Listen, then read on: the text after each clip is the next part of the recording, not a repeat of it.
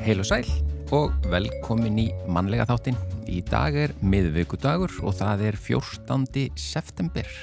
Og þennan dag, 1625, gauðs Katla með þeim afleiðingum að 25 bæir fóru í eyði. Dómkirkjan í Reykjavík var vígð öðru sinni eftir gaggerar endubætur sem sagt var vígð öðru sinni á þessum degi árið 1848. Hún var fyrst vígð 7. november 1796. 1891 voru teknar upp vítaspyrnur í knatsbyrnuleikjum. Fyrsta spyrnan á Englandi. Það kemur nú ekki óvart. Nei, og hérna, þetta lítur að breytt leiknum, talsvert. Já. En svo var það Marlíne Dietrich sem að hjælt síningu í Trípoli í Reykjavík á þessum degi árið 1944 ásand leikflokki úr ameríska hernum. 1950 farþegaflugvilin Geysir brotlendi á Bárðarbungu á Vatnajökli og komst, og komst áhöfnin sex manns öll af. Vélinn var á leið frá Luxemburg til Reykjavíkur og fannst ekki fyrir eftir fjóra daga. Já, uh, hljómsveitin The Kinks kom til Íslands á þessum degi árið 1965 og hjælt átta tónleika á fjórun dögum í Östubæðabíói og auðvitað alltaf fyrir fullu húsi. Og svo var það 1996, vestfjörðagöng millir Ísafjörðar, Önundafjörðar og Súandafjörðar á vestfjörðum voru vigð og því lík samgöngu bót. Já. Og ég, er ennuð þetta. Ég fórum þessi göng bara í sumar, þetta er, uh, ég, ég manna ekki það langt aftur í tíman, semst fyrir 1996, þetta var ekki. Jú, ég nefnilega manna það mjög vel. Já. Það, ég var í fiskvinnslu þarna í Nýfstall, Já. 1982. Þetta er breytt öllu. Já, þetta munaði öllu. Já, en ég verið í efni þáttarins í dag. Rattir, samtökum, vandaðan upplestur og framsögn standa fyrir málþinginu stóra upplestra keppnin á tímamótum. Og uh, málþingi mun fara fram annan mánudag í Hátíðasal Háskóla Íslands en upplestra keppnin er sem sagt á tímamótum því að sveitafjölög landsins hafa tekið við framkvæmt verkefnisins. En við ætlum að fá uh, Ingi Einarstóttur, formann Ratta, sem að séð hafa um verkefnið hinga til eða í 26 ár til þess að segja okkur frá sögu þess og hvernig það hefur þróast fram að þessum tímamótum. Svo fá við postkort frá Magnús R. Einarsinni. Magnús er búin að vera á faraldsfæti undanfarnar vikur og segir okkur að ferðum sínum í þessu postkorti en hann byrjar á því að tala um vatnið í leifstöð. Þar kostar lítrin af drikjarvatni 800 krónur sem honum finnst vera úr öllu hófi og kemur þess vegna með ókipis hugmynd fyrir leifstöð sem myndi bæta ímynd hennar sem og Íslands. Einni segir hann okkur frá kinnum sínum af Budapest og litlu borginni Orange í Suður Fraklandi þar sem hann er stattur einmitt núna. Já og Elin Björk Jónasdóttir veðufræðingur kemur til okkar í mannlegt veðuspjall í dag. Þar mun einhvað koma uh, við sögu viðvörunarkerfi þar að segja gula, rauða og, og, og appisinu gula og allt það en við, hún útskýri það betur fyrir okkur hér á eftir en við byrjum á tónlist eins og alltaf. Já, þjóðvegurinn, Elin Eithásdóttir, Flitur, Elin Ey og Pétur Ben með henni þarna lagið eftir Magnús Eiríksson.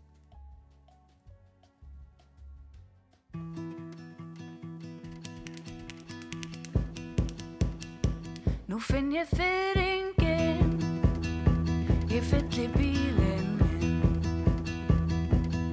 Þar er að verki gamli ferðahugurinn. Svo er ekki að stað Og ekki áðum sinn Ég ætla að glými allan dag Við þjóðveginn. Ég tek minn pók og tjá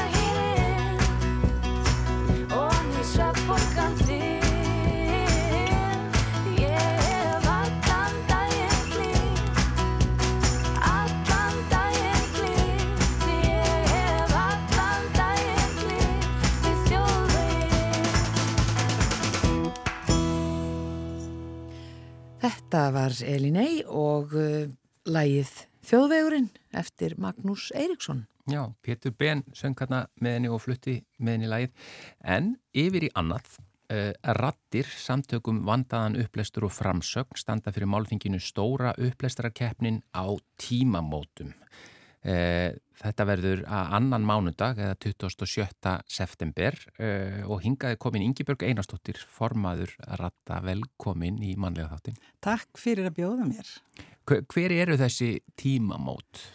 Já, tímamótið það má segja að þau hefur kannski verið í fyrra. Já. Það voru við 25 ára, 25 ára síðan að stóra uppstrakefnin byrjaði og síðan er við að reyka þetta svona standa við hlýðin á sveitafélagunum í eitt ár og það var ákveðið þegar að þegar við ætlum að hætta að segja fyrir ári síðan, 25 ára, þá var ráðnætti ekkit alveg sátt við okkur.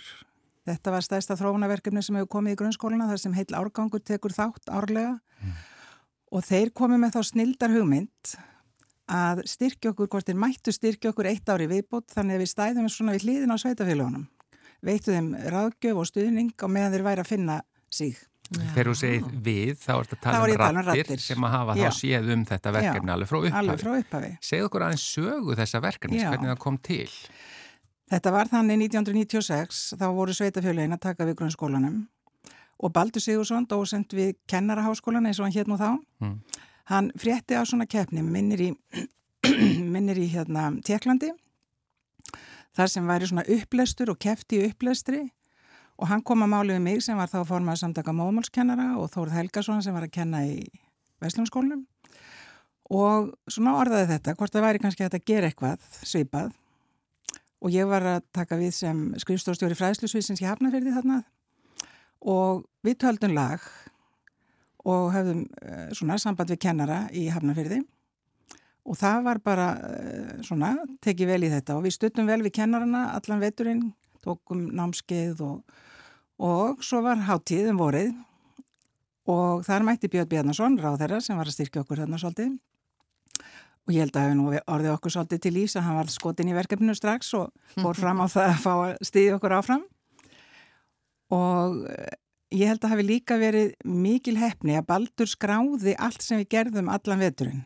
Og þá varð til handbók. Já, og svo handbók lifir og þar var allt tekið fram og nákvæmlega skráð og það er til inn á heimasíðu verkefnisins og það var meira að segja á hátíðinu voru skrifa nákvæmlega hvenna má klappa, hvenna má gera þetta og hvenna má gera hitt og það fylgja þessu allir í þessi 25 ár. og þetta, þetta byrjar í hafnafyrinu. Þetta byrjar í En svo bara fer þetta eða ekki út um alland. Svo fljótlega þá bankaði nú upp á Kópavóður og svona nærlíkjandi sveitafélög og árið 2000 þá var landið allt komið inn og þannig hefur það verið síðan, já. Þannig að þetta hefur breyst hratt út. tiltölulega. En er Já. þetta nákvæmlega eins og þetta var eh, hérna gerst uh, úti eða svona urðu til ykkur að sér íslenska reglur í kringum þetta? Við veitum eiginlega rauninni ekkert hvernig það var úti, þannig að það var bara upplestur, keppni upplestri og svo mótuðum við bara okkar eh, verkefni Já. þennan vetur og það bara var svo góð samvinna við kennarana, mjög góð samvinna alla tíð síðan við hafnarferðabæði. Það verður nú bara að segja eins og er að þeir var staðið þétt við bakið okkur og svo bara voru við stundum með verkefnistjóra fyrir fyrstu árin og svo hefur þetta verið svona í höndun stjórnar. Já. Svo er líka náttúrulega eigum við alltaf fulltrúa, þarna íslensk málnefnd er þarna kennaraháskólinn alltaf og, og heimil og skóli þannig við erum með svona virkilega stórt og gott félagsráð á bakvið okkur líka.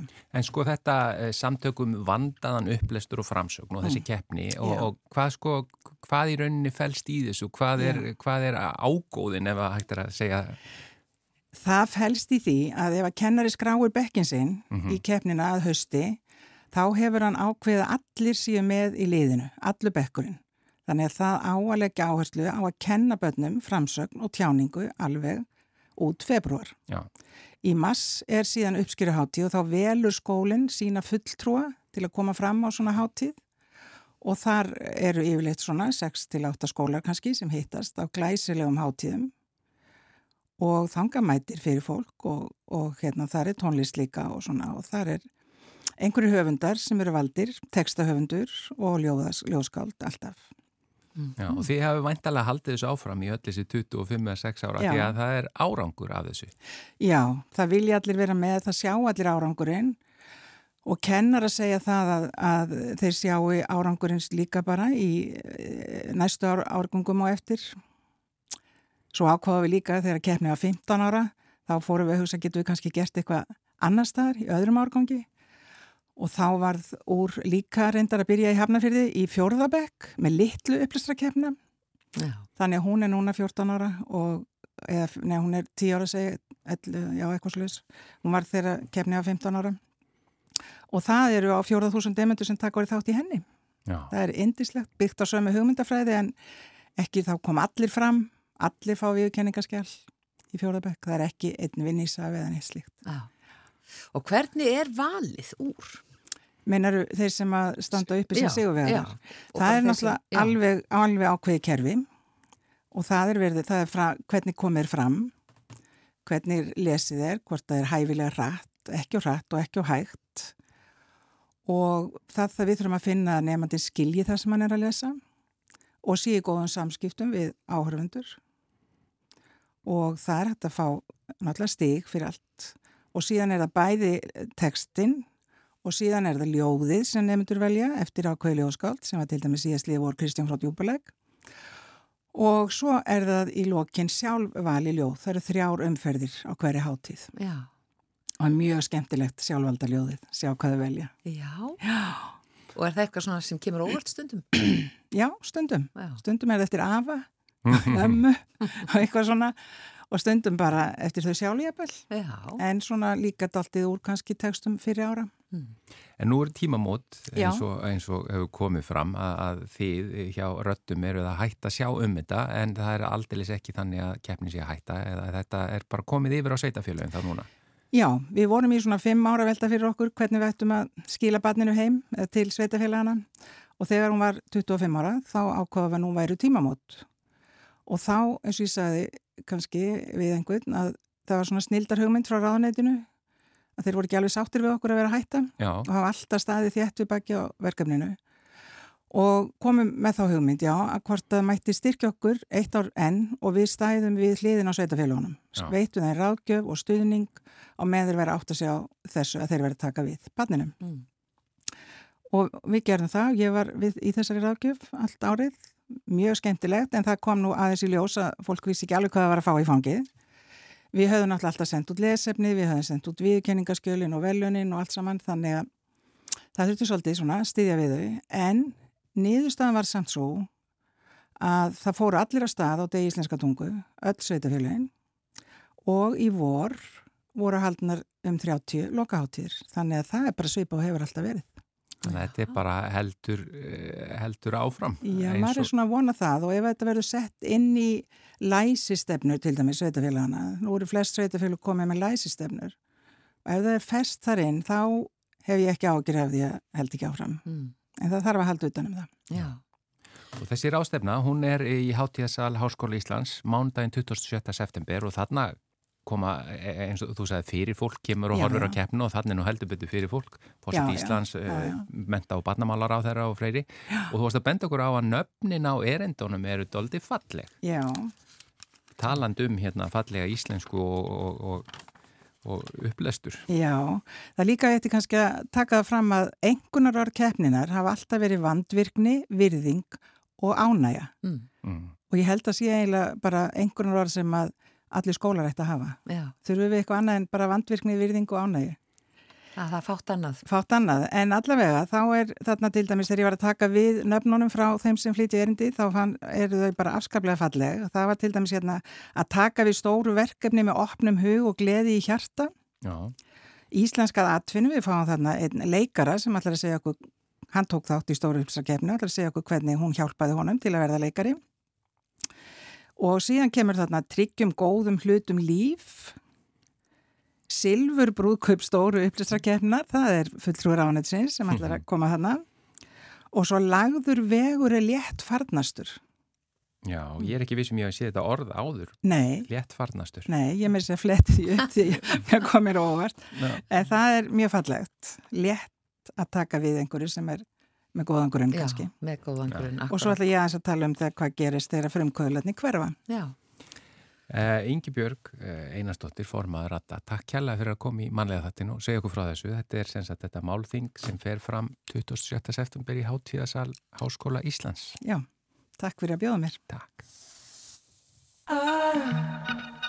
I love the colorful clothes you wear and the way the sunlight plays upon her hair. I hear the sound of a gentle word on the wind that lifts her perfume through the air. I'm picking up good vibrations. She's giving me the excitations. I'm picking up good vibrations. She's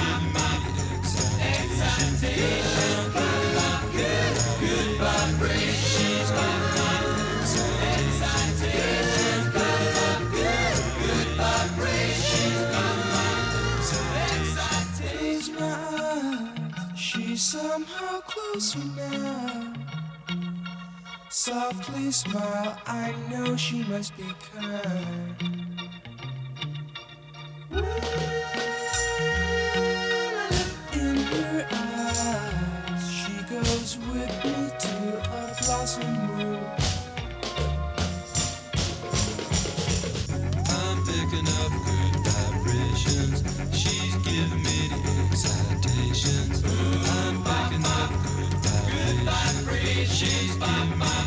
The excitations.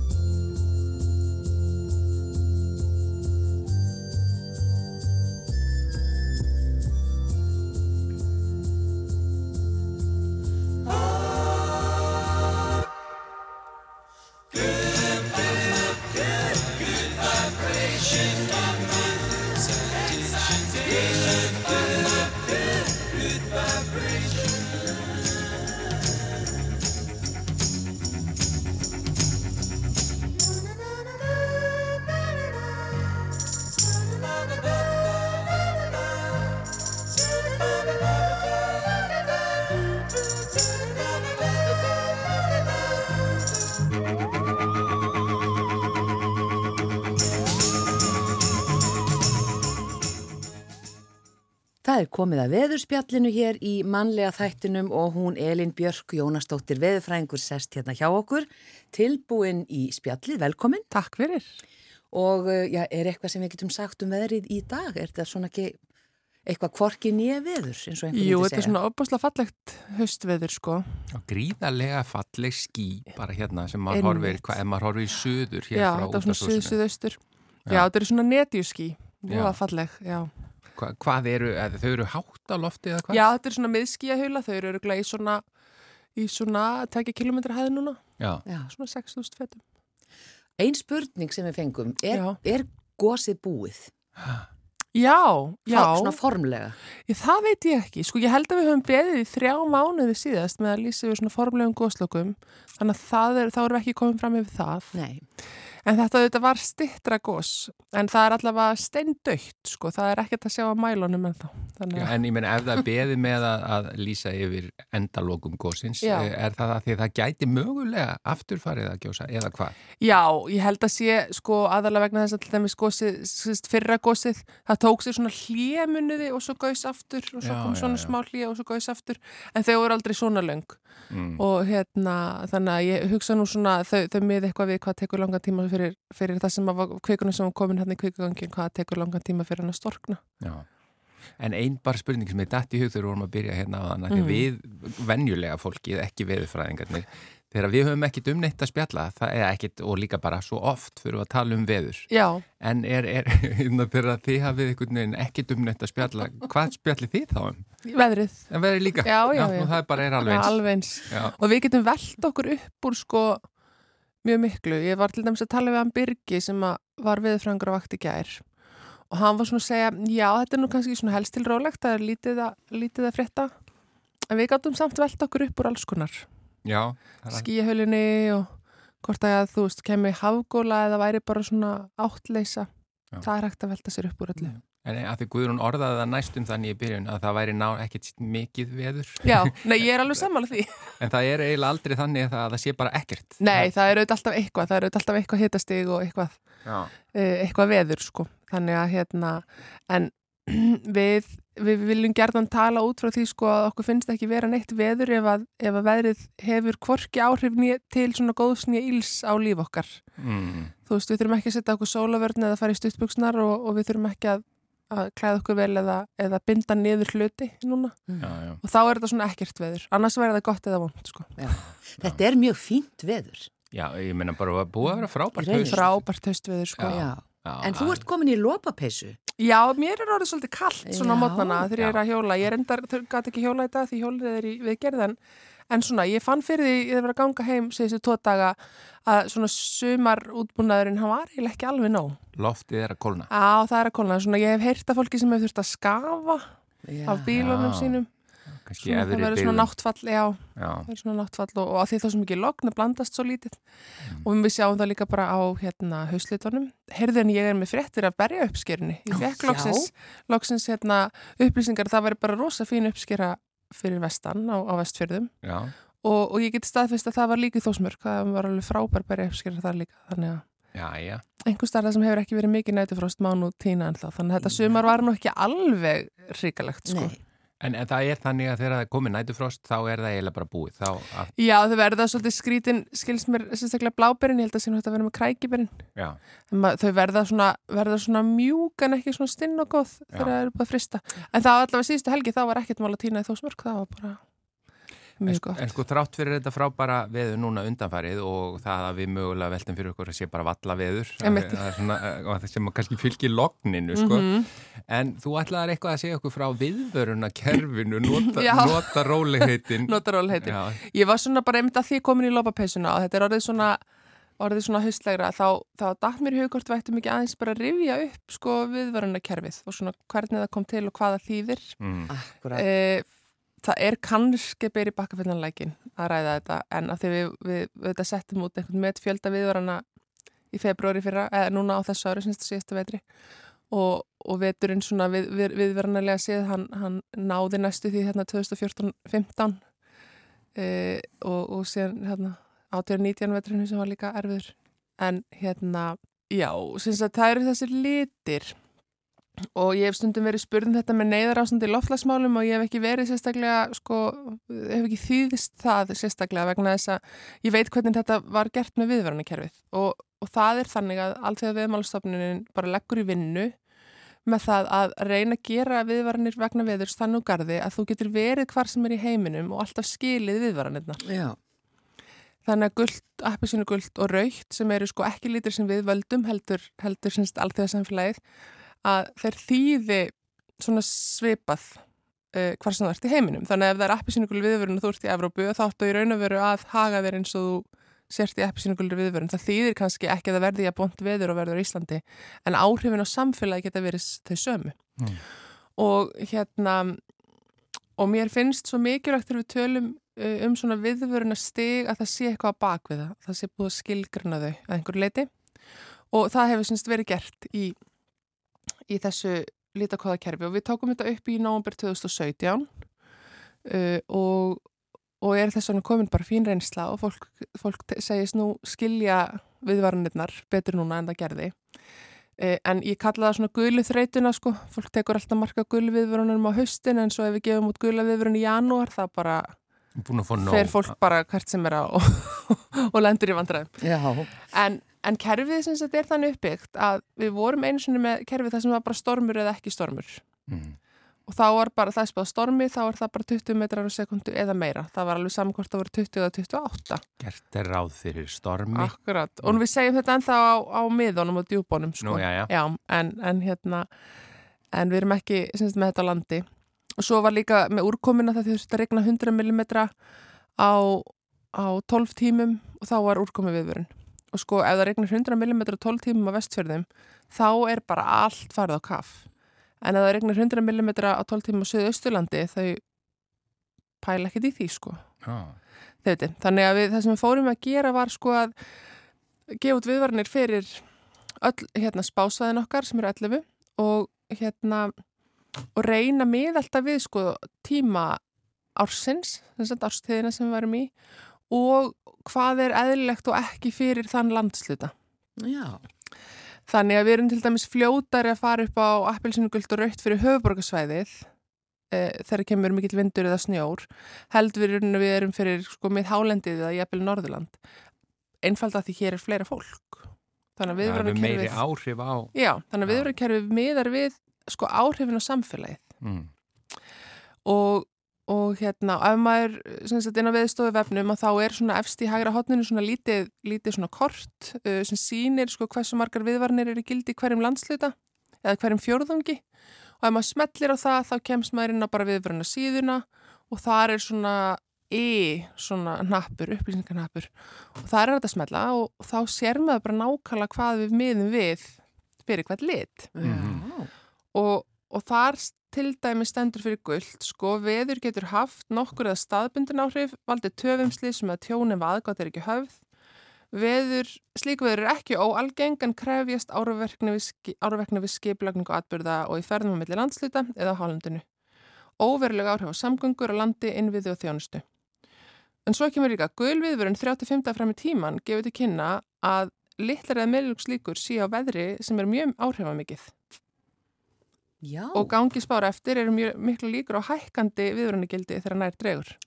Þannig að það er hægt að sjá þetta fyrir með 35 daga fyrirvara. Já, við syns gefum spátnar út með 5. fyrirvara og höfum, okkur hefur tekist í tvígang þegar við endum að fara upp á raukt að byrja á gulu með fjögra daga fyrirvara trappa okkur svo upp á appsinu guld og síðan upp á raukt með sólarhingsfyrirvara og kerfið virkar þannig og svo reynum við alltaf að hafa þetta sko, hafa tímabilin sem við erum með alvarlegar viðvaranir sem stiðist þannig að þú getur séð kannski á faxaflóðu þá byrjum við á gulu, förum upp guld, aftur upp á raukt, aftur nýra appsinu guld, þannig að þetta er svona trappugangur og, og þetta er mjög góð þjónusta við almenning en þetta er rosalega mikil vinna fyrir veðurfræðinga. Að því að staðin fyrir að gefa út bara eina viðvörun sem segir það er stormur á faxaflóa, þá erum við kannski út fimm viðvaranir að því við erum að trappa okkur upp og niður. Sko, þetta er, ég meina, að því þú sagðir, þetta er, þetta er ekki það langt sér en þetta var tekið í gangi og ég man alveg mann fannst það skríti fyrst, sko, Já. en nú er þetta bara orðið, þú veist, og það bara, þetta er komið í, hérna, bara almennt tal Já. hjá okkur bara, já, það er Einmitt. gul viðvörun Já. og maður hefur svona sirka um það bil tilfinningu fyrir Já. því hvað það verður. Já. Er það ekki bara akkurat það sem það átt að gera? Alveg, alveg akkurat og þetta gekk mjög vel og, og okkur þykir að fólk taka þessu mjög vel. Það eina er að við sjáum að, að, að þegar við erum að spá fyrir svolítið stór svæði og stundum segjum við til dæmis eh, sko fyrir faksaflóa þá eru við kannski að vara við stormi á sunnanverðu snæfilsnesi að því það er veðrið miklu verra heldur en annar staðar á Mm. svæðinu að við fáum hérna svona fólki mitt úr garðinum sko ringir og segir hvað það er ekkert að vera hér af hverju þetta spá gulri viðvörun? Já. og þá las það ekki textan af því að það fylgir texti með. Já, þannig að það er kannski áskorun mín til landans núna að lesa textan sem fylgir viðvörunum. Já, akkurat. En mér, mér finnst alltaf svo sérstakt að þessir sjálfskeipu veðurfræðingar Já, ringi í veðurfræðingarna með, já, fúl, Jú, smá fúlir yfir þetta svona varð ekki alveg eins og þeir spáðu en þá kannski gleymir fólk að þetta eru spá, þetta eru spár. já, þetta eru spár, það gleymist gerðnan og svo eru veðurfræðingar náttúrulega kannski verstir að þegar við liggjum yfir þessu sko. Ég var einmitt að rifjað upp að hérna í rauðu viðvöruninni sem að var, ég man ekki að önnur hvort sem var í februar núna hérna í Reykjavík að þá voru við öll bara já, það hefði nú kannski þurft að vera aðeins vera veður sko að tveir metrar á sekundi, það hefði nú kannski verið, verið sko sem skiptir auðvitað engum mála því að hvað áhrifin á samfélagið varðaði þá, þá var það nú ekki stóra máli sko Mm. en þá erum við bara svo, af því við reynum að nota til dæmis raukt svo sparlega og erum með ákveðna þröskulda fyrir það Já, og, og hérna, þannig að svona, hérna, við veltum okkur líka upp á þessu, við veltum okkur upp úr alls konar staldið gerðnan. já. Já. En mér snarstu því eins og fólk verið stundum smá svegt yfir því að það varði ekki eins vond á spáðvar. Í Já. stað kannski verið bara feið. Já, einmitt. Og það, það kom, það var líka hérna, ég man ekki hvaða ár það var en, en ég lendi því að, að fá svona símtöl þar sem fólk er alveg brjálað yfir því að, að það væri ekki vant veður og af því að það var búið að gefa út veður sem sagt appisungula eða, eða jafnvel rauða en þá í bæðiskiptin sko svaf fólk veðrið af sér Já, að þá var vesta veðrið mjög snemma að mótn til, já, já. gekk yfir kannski frá miðnætti til, til fimm og bara bara allt framhjá oft þeim. í dúna lókn sko þegar það vaknaði og hérna, þannig að þá er það svo gott að geta bara sendt fólki, ég býðist oft til þess að senda þeim bara afrita vindmælingunum. Bara ég skal sína þér hvernig þetta var. En hérna, en ég er svo hissa því ég sopni vilt ekki þegar það er svona vond vera því ég er bara alltaf að hlusta og hugsa hvað ætli þetta hefur nú verið sterk kviða og, og hérna og verið svolítið svona yfir mig spennt sko. Sko, mér finnst það mjög merkilegt að því að það var auðvitað þessi gamla saga um að fólki einhverjum bæ hefði farið og mótmælt fyrir utan hjá veðurstofunni þegar það var eitthvað vond veður, sko, en mér finnst eiginlega svolítið fyndið að það vera mótmæla ef það er ekki, Ekki, eins vond veður man ekki hvað sumar þetta var, var þetta ekki 84 eða 85 sem að einmitt, það voru mótmæli fyrir utan svona skilti, hérna trausti ekki að okkur smá sólskinn og eitthvað. Sem að hefur vonandi verið smá húmor bara. Já, já, já, Já, já. Ég allavega, allavega heyri söguna þannig að þetta hafi bara verið svolítið sniðugt, sko. Já, akkurat. En það er bara vel við hæfi að minn okkur á þessa litakóða Já, e, fyrir, fyrir það sem koma skal. Já. já, haustlæðin er á leiðinni. Haustlæðin er á leiðinni og fyrir þá sem hafa mikið áhuga þá er sem sagt að hafi, hafi við gefið út skýslur fyrir rauðuveðrin sem á voru þarna 2019-20 uh, og rauðu veðu skýslunar núna fyrir februar koma út núna í haust þannig að ef, þau, ef þið viljið sko sökk ykkur í þetta þá má lesa sér skýslur um þessi stóru veðri. Já, og svona markandi sem sagt lopapeisuna þá bara ættum við að fara að taka já, allavega lopapeisuna fram úr Ég held að við ættum að fara andlega undirbúið okkur fyrir það að september er svona verða komin fyrir Ha. miðju þannig að þetta fer svona, þetta fer að versna úr þessu. Já, Elin Björk Jónastóttir, takk kærlega fyrir að koma í mannlegt mat, veðurspjall, ekki Matar.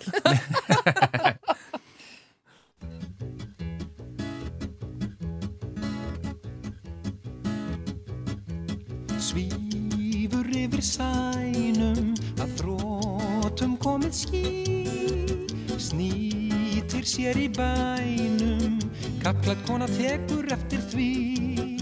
Hvað Jóni sigur síni Hljót að vera kallt Frakka lausum vini Landsók þjóðar húrrað sautján fallt Veður glöggur ínir rekur görn Ranglar út í sortan byður lágt.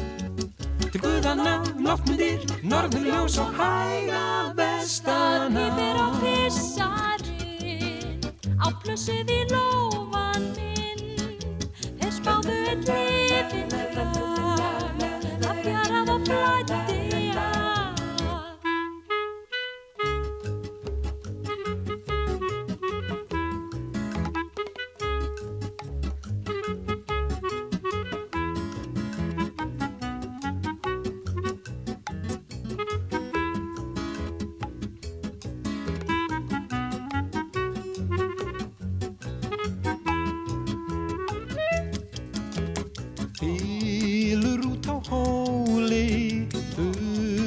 syngur lær Kár í ötun móði Mýgur upp í vindin alli ær. Veður glöggur ínir regur garð Ramlar út í svartan byður látt Til guðana um víga nettið þrjumu skí og ný dekk undir kalsvagnin og svo fyrst er að það mætti fjölga í fiskunum og hérna með þessa kó...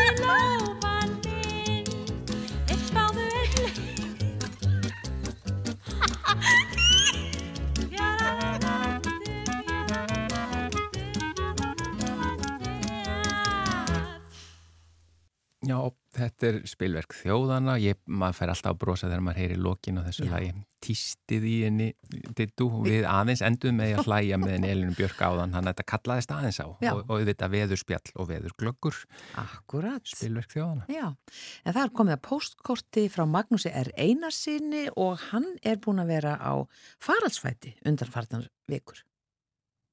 Heil og sæl. Undanfarnar vikur hef ég verið á faraldsfæti og átt þess vegna nokkrum sinnum óhjákvæmilega leið í gegnum leifstuð, flugstuðuna okkar á miðneseiði.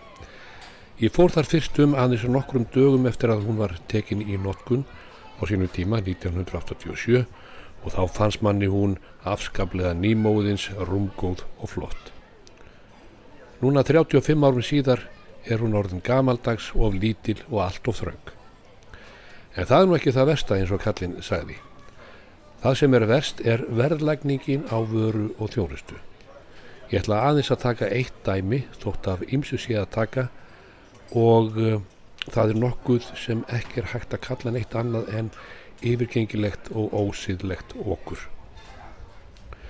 Drykjarvatn er selt í leifstöð á plastflöskum og kostar 399 krónur hálfur lítri. Lítrin af drikjarvatni kostar með öðrum orðum 798 krónur lítrin. 800 krónur kostar sumsið lítri vats mínus 2. Vatn er undirstaða alls lífs á jörðinni og sennilega í alheimi ef marka má vísindin. Og það er sagt að maður lifi ekki mikið lengur en þrjá daga án vatns. Almenna viðmiðið er að hver maður þurfi um það byrj þrjá lítra vats á hverjum einasta degi til að lifa. Og ef maður þyrfti að kaupa allt sitt daglega vatn á livstöðvarverði þá myndi það kosta mann um það byrj 70.000 krónur á mánuði. Það gera 840.000 krónur á ári. Takk fyrir. Til að gæta allrar sangirni þá er vissulega hægt að finna ókeipis drikjarvatn í leifstöð en aðeins á tveim líkt ábyrjandi stöðum í byggingunni og þar eru tveir vaskranar en staðsettir fyrir utan salirnin eins og aðlaðandi það nú er. Þar er sem sé hægt að svala þorstanum með vatni án þess að borga 800 krónur fyrir lítran. Þessir kranar eru líkt ábyrjandi og á engan hátt auglistir innan hús og þar eru auðvitað engin ílát til að drekka úr. En nú ætla ég að vera jákvæður og koma með ókeipis hugmynd fyrir leifstöð og hún er svo að koma upp flottum og risastórum skiltum og auglýsingum með afar ábyrjandi hætti fyrir alla komu þar þegar í flugstuðuna að besta drikjarvatn í heimi sé þar að finna og gefins ókeipis fyrir alla. Að vatni sé gjöf Íslands til allra gesta sem koma til landsins. Aðgangur að því verði auðveldur og gerður aðlaðandi á öllum veitingastöðum í byggingunni og ílátin höfð úr endurvinnanlegum efnum. Ég er nokkuð alvarlega vissum að það myndi skora hátt hjá ferðamönnum og vekja gríðarlega jákvæða aðtikli um víða veröld. Kostnaður er því sáralítill en ávinningurinn stórbrotin. Ekki síst nú þegar stór fyrirtæki eins og Nestey er að sögn orðið hataðasta vörumerki heimi einmitt fyrir okkur á vatni.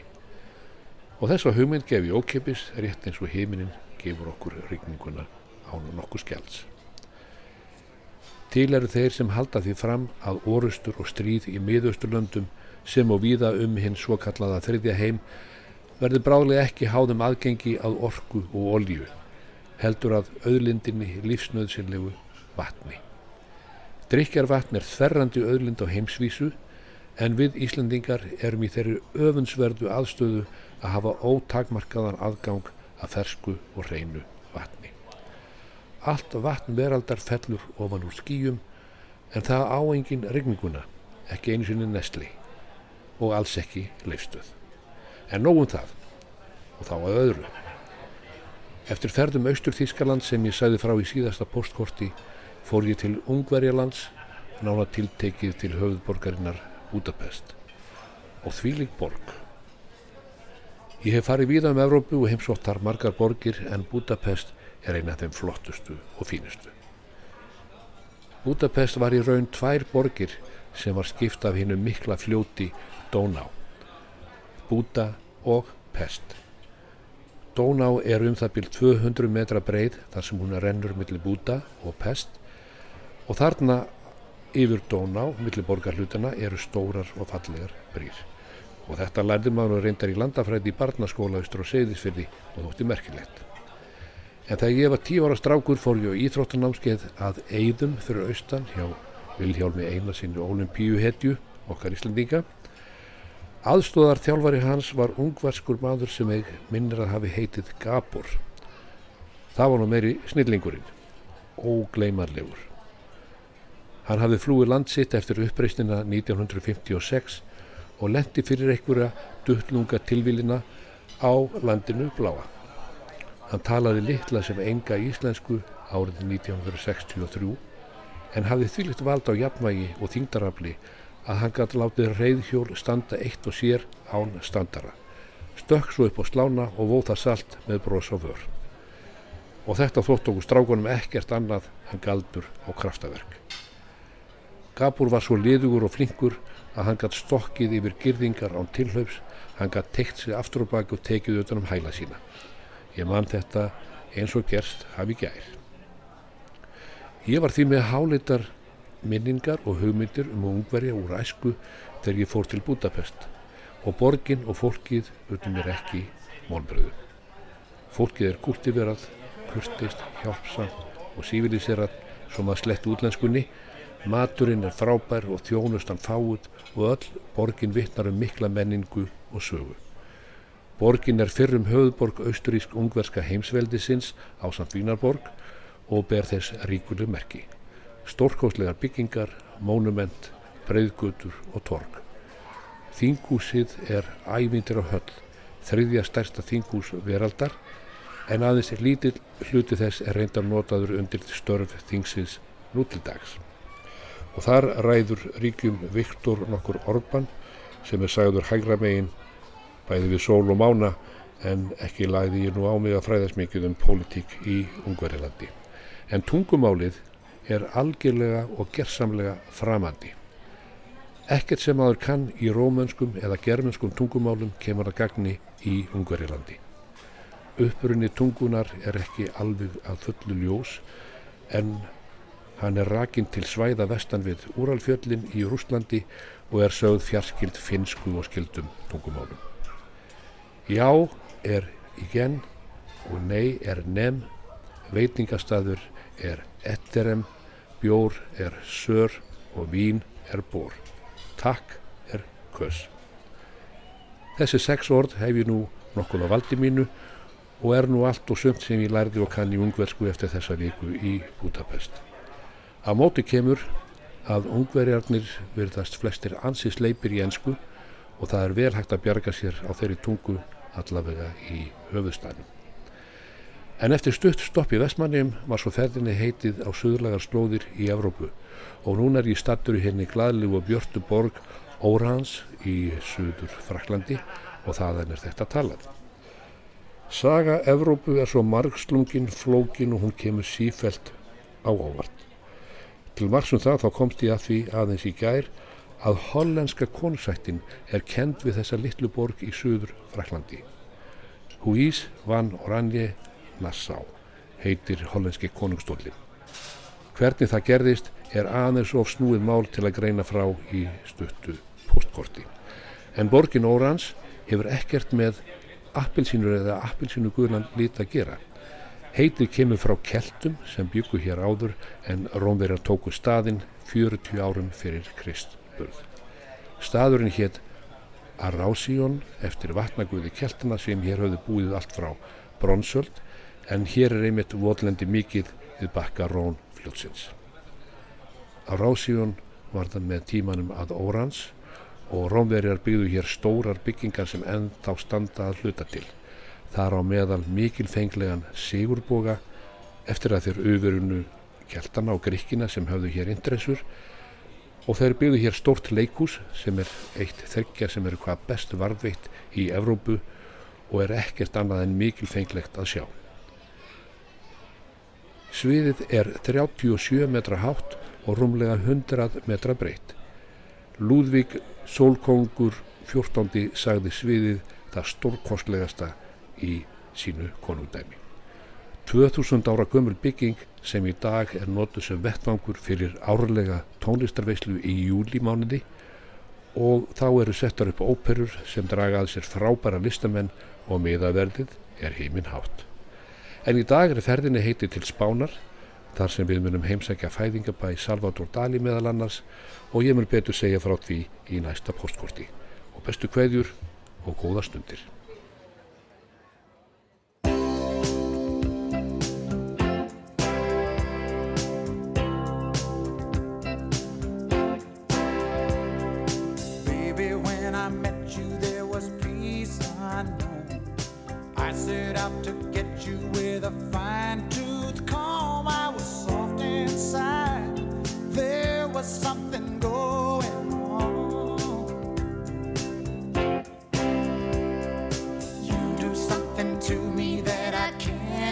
next.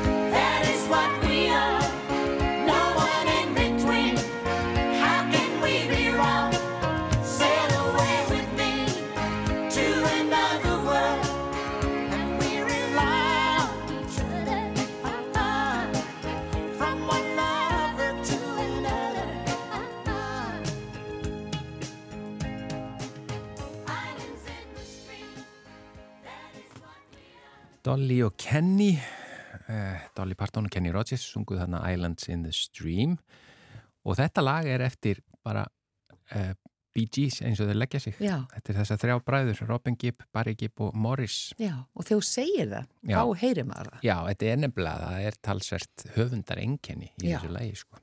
Við, við ætlum að minna ykkur á, kæru hlustendur, uh, sérfræðing fymtudagsins á morgun og það er hún Margrit Sigfúsdóttir, hústjórnakennari og hún ætlar að svara spurningum um allt sem við kemur heimilishald, umgengni á heimilum, þrif, eldamennska, innkaup og bara alls konar. Og við erum búin að fá ótrúlega margar og skemmtilega spurningar. Já, og enda líka bara ef maður hugsa um þetta er bara okkar líf þar sem á heimilinu okkar allt sem að það er svo margt sem ég hef ekki hugmynd um hvernig á að gera hvernig, og- sem ég væri svo til í að fá svör við og það, þarna er nú bara komið rétt að manneskjandla að spyrja sko. Alls konar. Já. Og við erum búin að fá hérna spurningar um, um hvernig eiga þvó handklæði og tuskur, hvort maður þurfi að sjóða þær. E, það eru hér spurningar um eldun á innmat, e, þrif á þvottavélum, uppþvottavélum og já, umgengni við þær. Hvernig á að þrýfa klósett, e, parkett, alls konar og, e, og hvernig maður á að kaupa inn Já. líka og það er daldi mikilvæg spurning. Nú hefur, já það er ekki sama hvernig maður kaupir inn, það er hægt að gera það á mjög hagstæðan átt Já. og svo er hægt að vera mm, óþarfa eðslu samur þar. Hún er bara með svör við eiginlega öllu þessu, hún Margrét Sigfúsdóttir fyrirvændi skólastjóri í hústjórnarskólanum uh, og við bendum ykkur á, það er ennþá séns, ég veit ekki hvort hún ná í gegnum alla spurningarnar því það er, hafa komið margar en uh, það er ennþá hægt að senda á postólfþáttarins mannlegi hjá rú.is Já. Ein spurning sem snýrum þetta að uh, lykt úr niðurfalli inn á baði. Já, Það er kannski eitthvað sem einhverju vilja fá svör við, þannig ekki missa af þessu á morgun hjá okkur. en við þökkum innilega fyrir samfylgdin í dag og, og verðum hér aftur með Margréti á morgun. Verðið sæl.